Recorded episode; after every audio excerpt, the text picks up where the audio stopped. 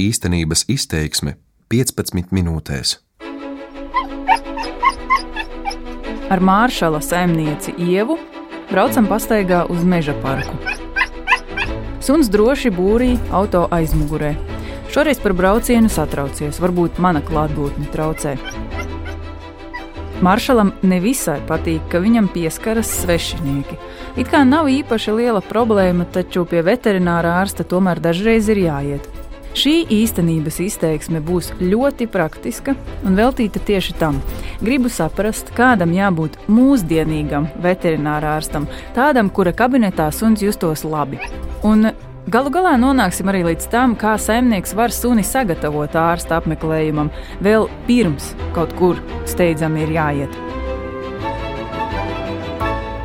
Mani sauc Justīne Savicka. Mačo, mačo, mačo! Čau! Pie ārsta maršals neiet bieži. Tikai parastās vajadzības, vakcīna vai aiziet pārbaudīties, ja kaut ko jocīgu ir apēdis. Profesionāli ārsti un visi saprot, kā vajag, kā vajag ar suni iepazīties un kā viņam pieskarties. Un Vienmēr iet uz vienu klīniku. man vienmēr ir sagatavoti našķi, um, gaļas vaiga, uh, sirs un kaltējumi. Paši barojam, liekam, izpildīt kādu komandu, lai saprotu, ka vide ir parastā. Un, un tad arī vetārs vienmēr paņem tos našķus un arī tā kā iedod. Un, bija pie vienas no ārstas. Viņa pat bija tā, ka viņa to visu kad, nu, neskatās acīs, nu, no sāna pienāk Mhm. klāt un tur iedod tos gardumus. Tad Jo sunim tad ir tā, ka jau uz viņu baigi skatās, ja viņam iet pa taisno Jā. virsū, tas viņu provocē. Tā kā, Mhm. Tāpat jau nav tā, ka viņi tur var mierīgi čamdīt visu, bet nu, vismaz viņš atļauj pieskarties. Reiz pie veterinārā ārsta vajadzēja tikt steidzami, un klīnika bija cieta. Nebija izvēles, ņēma maršalu un brauca uz citu. Viņš tur tā jau sastrasojies par visu, un uh, mēs mūs ievada tajā kabinetā, kur jau bija kaut kādi nezinu, 4, 5 cilvēki, kas visu laiku staigāja apkārt. Ne tur tā našķa kaut kāda dra- sadraudzēšanās. Uh, Tur vienkārši nāca uzreiz pārbaudīt un aiz, pieskarties viņam. Un viņš, protams, man liekas, ka ierējās. Viņi uzreiz vienkārši nolēma, ka nu, jāliek uzpūrs. Piespiedās pie pleca, un tā tāds mazs maz, maz bērns tā kā, nu, tā kā pārdzīvoja par to, kas viņam tikko nodarīts. Nu, jā, mēs sapratām, ka nozīmē, ka uh, ir svarīgi pie kāda arī ārsta tu dodies.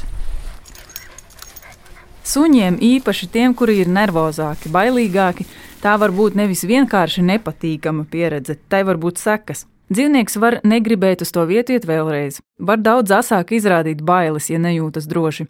Zinātne par dzīvnieku uzvedību ir attīstījusies. Arī Latvijā vairāk cilvēku māca savus suņus ar pozitīvām metodēm, atalgojot vēlamo, nevis sodot dzīvnieku par to, ko mēs nevēlamies. Jautājums, vai tas ienācis arī veterinārā ārstu izglītībā? To prasu pavisam svaigam absolventam, nu jau veterinārā ārstam Gustam Indānam. Um, tātad es esmu tieši šogad absolvējis veterinārijas medicīnas fakultāti pēc sešiem gadiem mācību. Gusts Indāns ir viens no brīnuma ārstiem, kas rūpējās, lai nu jau atkal priecīgajai kaķenei Rejai implantētu kāju protēzes. Viņai bija norautas pakaļkājas, iespējams, tika kādās mednieku lamatās. Tā esot bijusi pirmā šāda operācija Latvijā. Tāda konkrēta specializācijas nozara man vēl nav, bet uh, tas, kurš ieinteresēts, ir tieši ķirurģija, ortopēdija, mazie dzīvnieki. Mm, Nākotnē arī centīšos šajā lauciņā vairāk darboties un, un izsisties tālāk.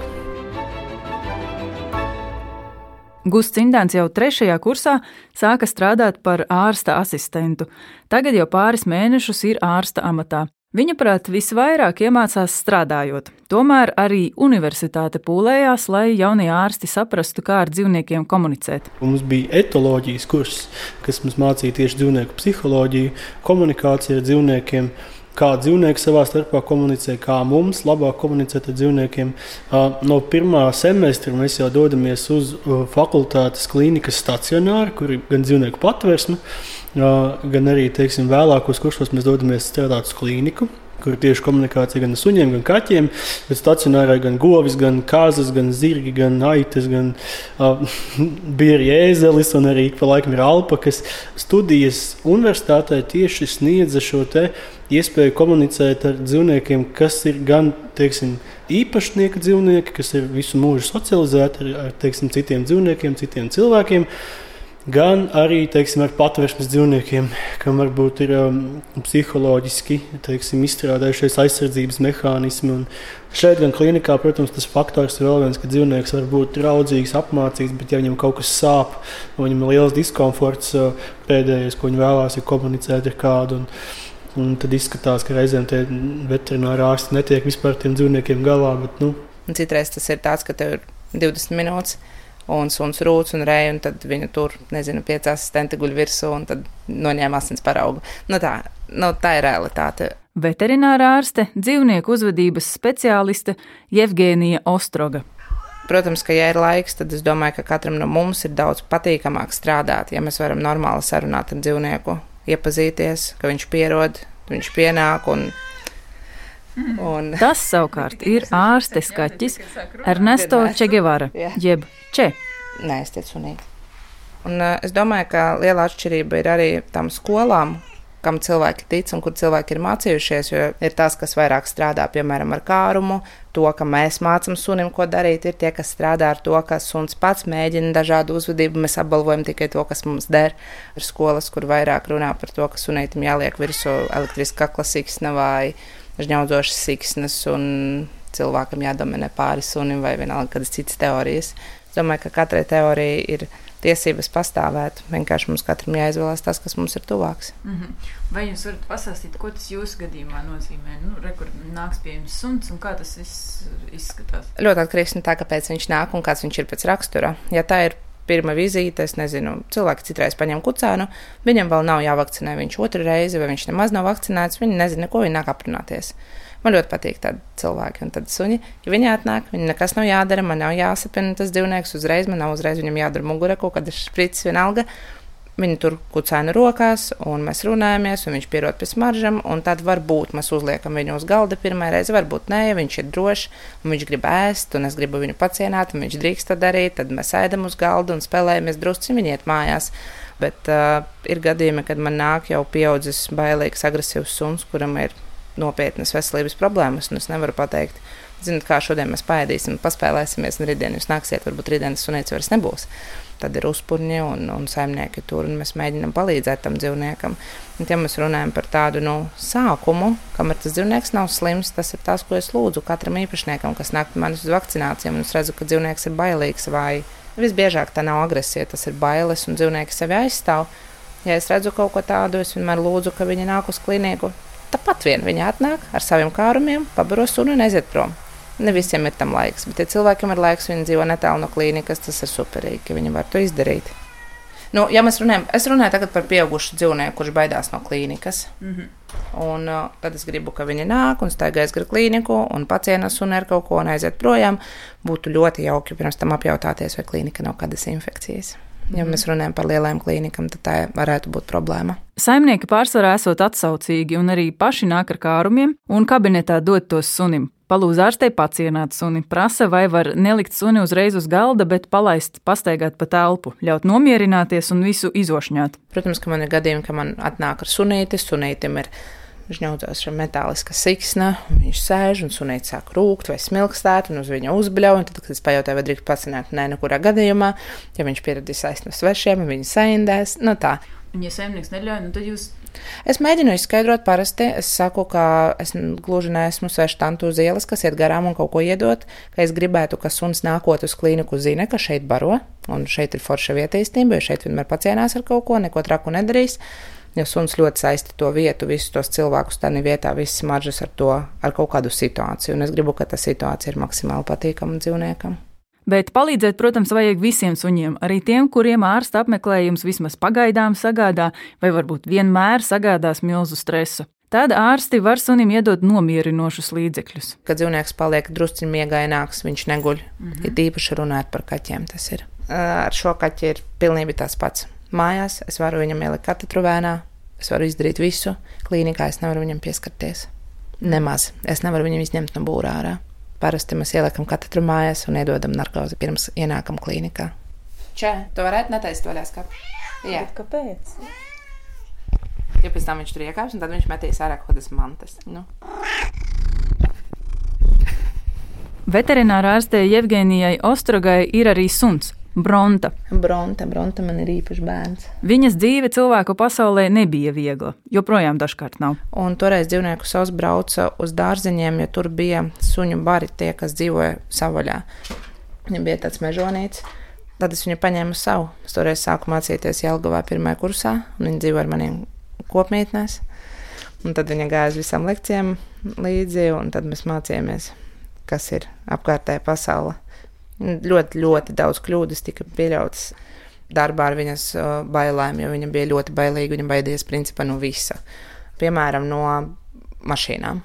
Tās, ko es mēģināju toreiz darīt, es mēģināju vest viņu pie mašīnas un parādīt, ka tas lūk, nav nekas traks, redzi, nekas nenotiek, un aiznest viņu bez mazvēl līdz tai mašīnai un mēģināt viņu tur iedot kādu našķi. Loģiski viņi neko neņēma. Viņi bija paniskas bailes, arī neko nēstu. Ja man būtu, nezinu, jāsēž blakus čūski, no kura man dramatiski bail.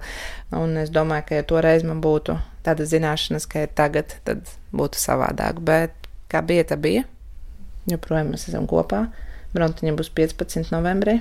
Un tagad viņa ir ļoti pieklājīgs pilsētas suns. Brontai sākumā ļoti nepatika, ka viņai pieskaras. To ar saimnieces palīdzību iemācījās. Latvijas radio viens Facebookā uh -huh. varat noskatīties video, kurā ārste kopā ar Brontu parāda, kā tikt līdz tam, ka suns ļauj nogriezt nagus. Un tas pats ir ar zobiņiem. Apskatīt ausis, zobus. Tiklīdz roka ir nost, nost ir kārumi. Kamēr cilvēks sunim pieskaras, suns ēd no plaukstas. Citreiz sunīs gribētu uh, izvairīties un aiziet projām, piecelties un aiziet. Vienmēr ļaujam viņam to izdarīt. Tas var nebūt ātri. Varbūt nav jāmēģina uzreiz sunim pieskarties, tikai pietuvināt roku. Šāda veida pieeja ir viena no suņu apmācības metodēm, kurā suns netiek sodīts par nepareizu darbību. Tā vietā ar uzslavu, prieku un atalgošanu tiek iedrošināts darīt tā, kā cilvēks vēlas. Esmu Ilza Tauriņa, divu adoptēto suņu, Gretes un cukuru īpašniece. Ilze ir izmēģinājusi abas pieejas un palikusi pie pozitīvā. Nu, jā, mēs izvēlējāmies droši vien tādu variantu, kas ir nu, tuvāk, kas ir mūsu pilsētā. Sunim tika uzsvērts, ka ir nepieciešama disciplīna. Tiklīdz viņš kaut ko dara nepareizi, siksni ir jāparauj. un, nu, jā, nedrīkst ņemt arī no rokas sve, no svešiem kārumus, par ko vajag uzsist pa degunu. It kā tajā brīdī, protams, tev liekas, ka tas nav pareizi. no otras puses, tu uzticies, ka tas ir speciālists, kas tev nu, saka, tā vajag darīt. Jā, tā, tā bija viena no lielākām kļūdām, ko es, protams, sev nevaru tik viegli piedot. Un viņai parādījās tāda kā, nu jā, gandrīz pat agresija pret citiem suņiem. Nu, viņa reja, viņa nu, uz divām kājām nostājās. Viņa nu, tādā ļoti tādā agresīvā veidā parāda, lai tas suns nenāk klāt. Un es viņai daru vēl sliktāk. Es viņu papildus satraucu. Jo, nu, tas, tas vienkārši nestrādā. Otrs suns, cukurs, ir pilnīgi citāds nekā Greta. Viņš bija nedrošs kaut kādās situācijās. Viņš bija piedzīvojis vardarbību no iepriekšējā saimnieka. Viņš ir bailīgāks. Arī ar viņu vēl paguva izmēģināt to pašu apmācību metodi, kurai gāja cauri Greta. Cukurs to nespēja pieņemt. Tajos brīžos, kad viņam kaut ko stingrāk teica, viņš vienkārši noslēdzās. viņš vispār nereaģēja. Viņš mm, nesaprata vairs, vispār, ko tu gribi no viņa. Ar viņu nu, tādā veidā neko nevarēja sarunāt un panākt. Ar suni cukuru viss tagad ir diezgan vienkārši. Viņš ēdiena dēļ ir gatavs uz visu. Cukurs pats iekāpj vannā, nogāžas uz zemes un ļauj griezt nagus. Paies garām citam sunim un pat nepamanīs to, ja cilvēkam rokā būs kārums. Mums ir sajūta, viņam kaut kāds laboratorijas gēns ir. Ar Gretu ir grūtāk. Vajag ļoti garšīgus kārumus un laiku. Pagājuši seši mēneši. Viss ir daudz, daudz labāk, bet skaidrs, ka darbs ar suni nekad nebeigsies. Mums ir jābūt nevis pretējās frontēs, bet man ar viņu ir jāsadarbojas. Nu, es jūtu arī, ka šobrīd tās attiecības mums arī mainās. Arī ar Grētu. daudz vairāk uzticās, viņa vairāk pati meklē acu kontaktu. Viņš zina, ka var, viņš nesaņems to sodu. Ja mēs varam viņam parādīt, kā viņam varbūt darīt labāk, viņš, viņš arī mēģina to darīt. Gretas un cukura saimniece Ilze iesaka cilvēkiem iespējami daudz uzzināt par treneri, kas noskatīts suņa mācībām. Palūdziet klātienē bez sava suņa paskatīties, kā treneris strādā ar citu suņu saimniekiem. Jo viss, kas notiek ar suni, ir saimnieka atbildība. Arī tas, cik droši suns jutīsies ārsta kabinetā. Galvenais ar ārstu runāt, nepaļauties, ka cilvēki, kuri strādā ar dzīvniekiem, zina, ko vajag tieši jūsu sunim. Mani sauc Justīna Savicka, un šis bija raidījums Īstenības izteiksme.